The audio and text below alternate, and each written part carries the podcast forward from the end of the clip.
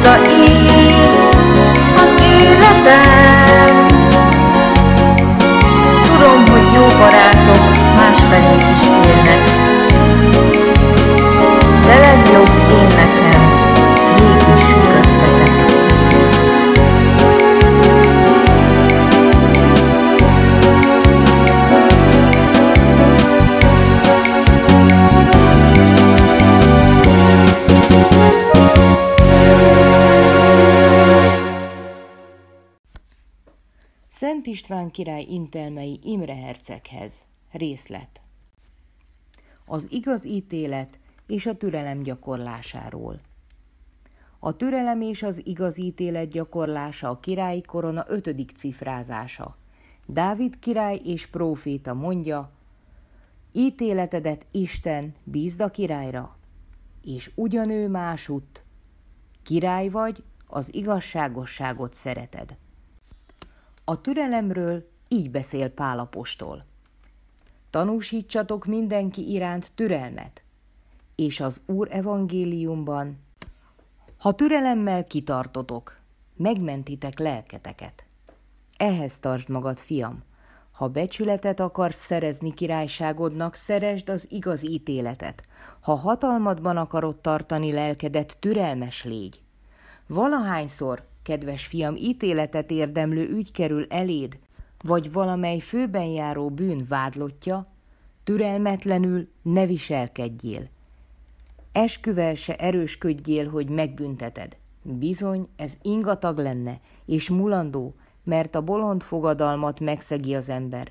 És ne ítélkezz te magad, nehogy királyi méltóságodban a hitványügyben forgolódva folt essék hanem az efféle ügyet inkább bírákhoz utasítsd, az ő megbízatásuk, hogy törvény szerint döntsenek. Óvakodj bírónak lenni, ám örülj királynak lenni, s neveztetni. A türelmes királyok királykodnak, a türelmetlenek pedig zsarnokoskodnak. Ha pedig egyszer olyas valami kerül eléd, amelyben ítéletet hozni méltóságoddal összefér, türelemmel, irgalommal, esküdözés nélkül ítélkez. Így lesz majd koronád dicséretes és ékes. A tanács súlyáról A királyi emelvényen a tanács a hetedik helyre tart igényt. A tanács állít királyokat, dönt el királyi sorsokat, védelmezi a hazát, csendesíti a csatát, győzelmeket ő arat, kerget támadó hadat, behívja a barátokat, városokat, őrakat, és ő ront le ellenséges várakat. Minthogy pedig a tanácsnak ekkora haszna van, ostoba, pöffeszkedő és középszerű emberekből összeállítani, én úgy vélem, mit sem ér, hanem a tekintélyesebbek, és a jobbak, a bölcsebbek és a legmegbecsültebb vének ajkán formálódjék és csiszolódjék, ezért, fiam, az ifjakkal és a kevésbé bölcsekkel ne tanácskozz, ne is kérj tőlük tanácsot, csak a gyűlés véneitől, kiknek koruk és bölcsességük miatt megfelel ez a feladat. Mert a királynak szóló tanács zárva legyen a bölcs szívbe, ne terjessze a bolondok szelessége. Ha ugyanis a bölcsekkel jársz, bölcs leszel. Ha a bolondokkal forgolódsz, társul adod magad hozzájuk, szól a Szentlélek Salamon által. Aki jár a bölcsekkel, bölcsek barátja lesz, nem a bolondokhoz lesz hasonlatos. És Dávid zengi, jósággal közeledsz a jóhoz, az igazhoz igaz vagy, a tisztával tisztán bánsz, a hamissal azonban hamis módra. Ezért hát kiki életkorának megfelelő dologban forgolódjék, tudni illik az ifjak fegyverben, a vének a tanácsban. Egyébként az ifjakat mégsem kell teljesen kiűzni a tanácsból, ám de ahányszor velük tanácskozol, még ha életre való is az a tanács, mindig terjeszt az öregek elé, hogy minden cselekedetedet a bölcsesség mértékével mérhesd. A fiak kövessék az elődöket. Őseink követése foglalja el a királyi méltóságban a nyolcadik helyet. A legnagyobb királyi ékesség az én tudásom szerint a király elődök után járni, a szülőket utánozni. Aki ugyanis megveti, amit megszabtak atyai elődei, az isteni törvényekre sem ügyel. Mert az atyák azért atyák, hogy fiaikat gyámolítsák, a fiak pedig azért fiak, hogy szüleiknek szót fogadjanak. Aki atyával szemben áll, Isten ellenségének áll mert minden engedetlen Istennel áll szemben, és az engedetlenség szelletje a koronavirágait szórja szerte. Az engedetlenség valójában Pest is az egész királyságban, Ezért, kedves fiam, apád rendeletei, vagyis az én rendeleteim mindig legyenek szemed előtt, hogy szerencsédet mindenütt királyi gyeplő igazgassa. Az én szokásaimat pedig, amelyekről látod, hogy a királyi méltósággal összeférnek, a kétkedés minden békjója nélkül kövessed. Mert nehéz lesz megtartani etájon királyságodat, ha szokásban nem utánzod a korábban királykodó királyokat. Mely görög kormányozta a latinokat görög módra, avagy mely latin kormányozta a görögöket latin módra? Semmelyik.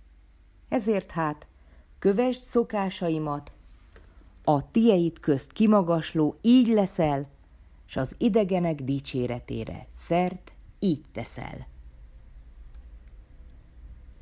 A kegyességről és az irgalmasságról, valamint a többi erényről.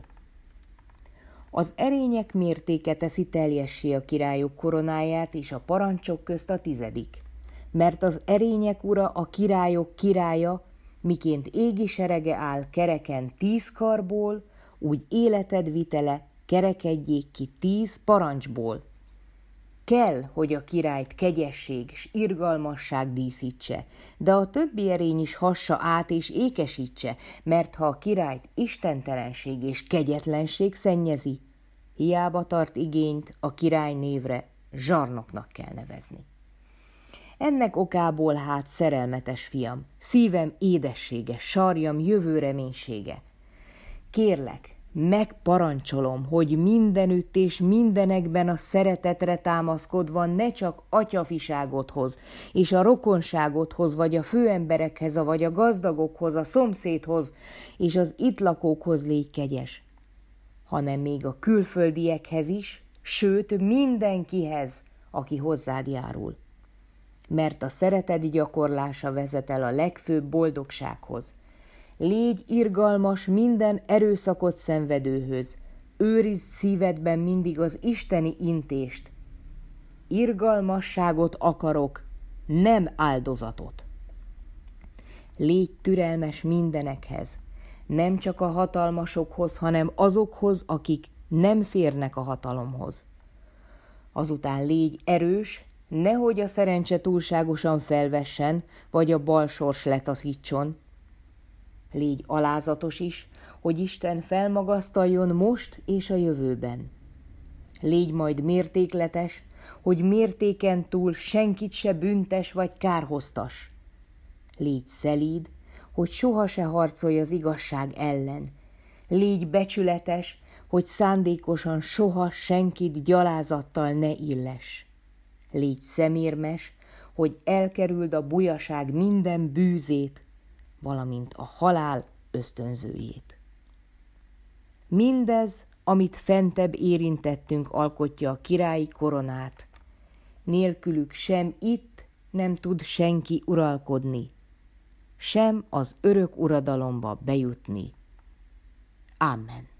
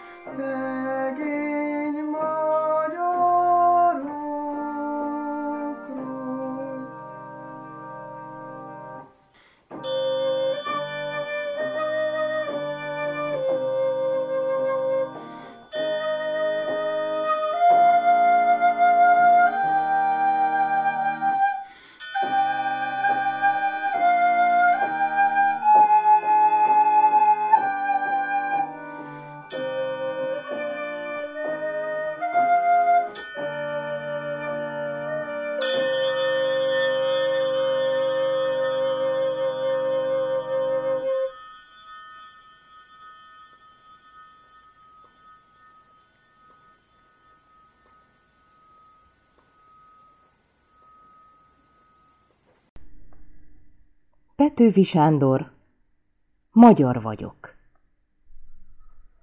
Magyar vagyok. Legszebb ország, hazám az öt világrész nagy területén. Egy kis világ maga. Nincs annyi szám, ahány a szépség gazdag kebelén.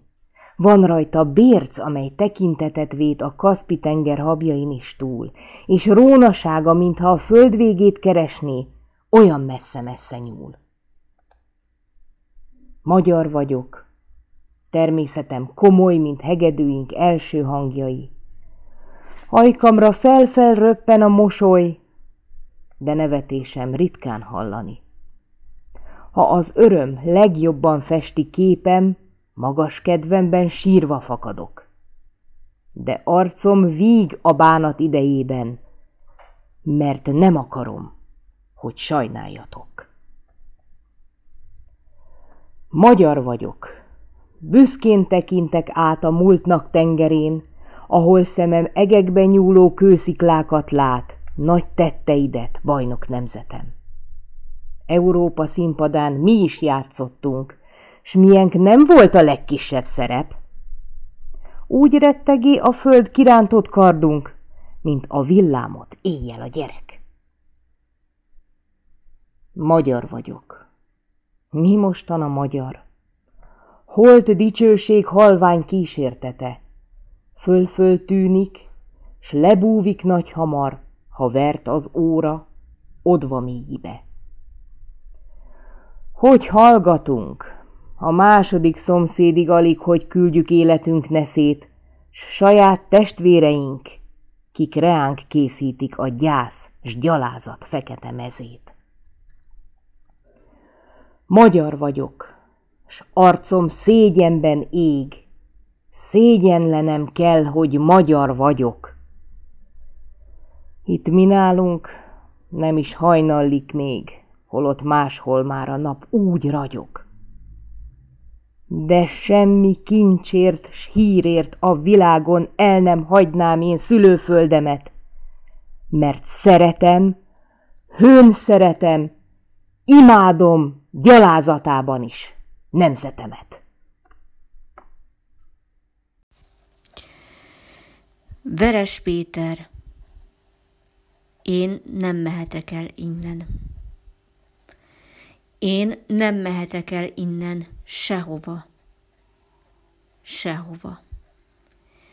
Nekem nincs útlevelem, nincs gazdag rokonom, nincs pénzes barátom, millió sárba ragadt paraszt a szomszédom, ezeknek a sorsa az enyém, és az is marad örökre.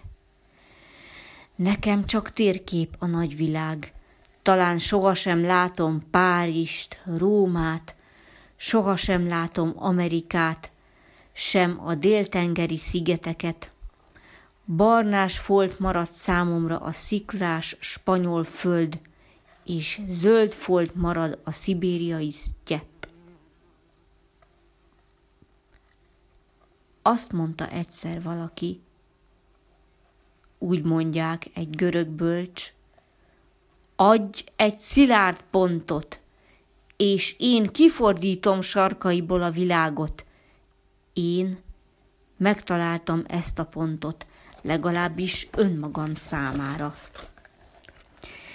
Ez a föld az, amelyen élünk, a szik, sós, puszta, a ragadós televény, a szaladó homok és zöldellő dombok völgye, Magyarország, és a tízmillió magyar, aki benne él.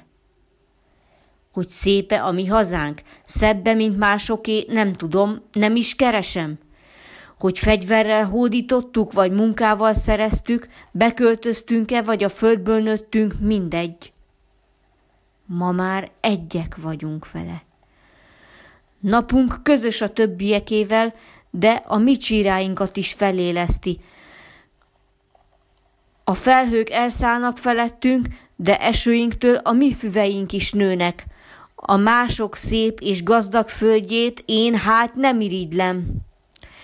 Lábammal bokáig járok a magyar sárba, arcomat kicserzi az éles pusztai szél. Szememet kicsire húzza a kemény sivatagi napfény, gondjaim lehúznak a földre, vágyaim fölemelnek a felhők fölé.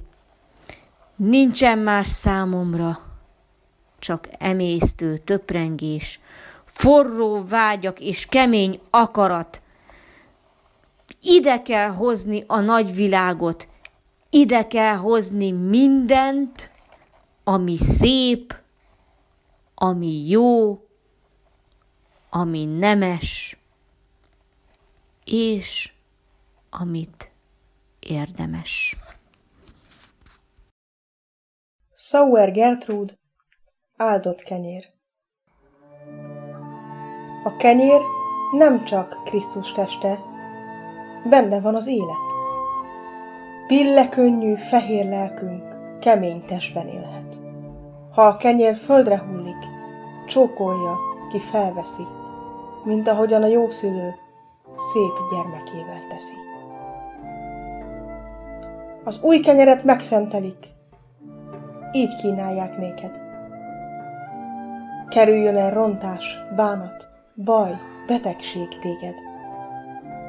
Az öröm legyen még sokáig hajlékod vendége, és járja át kis szívedet Isten békessége.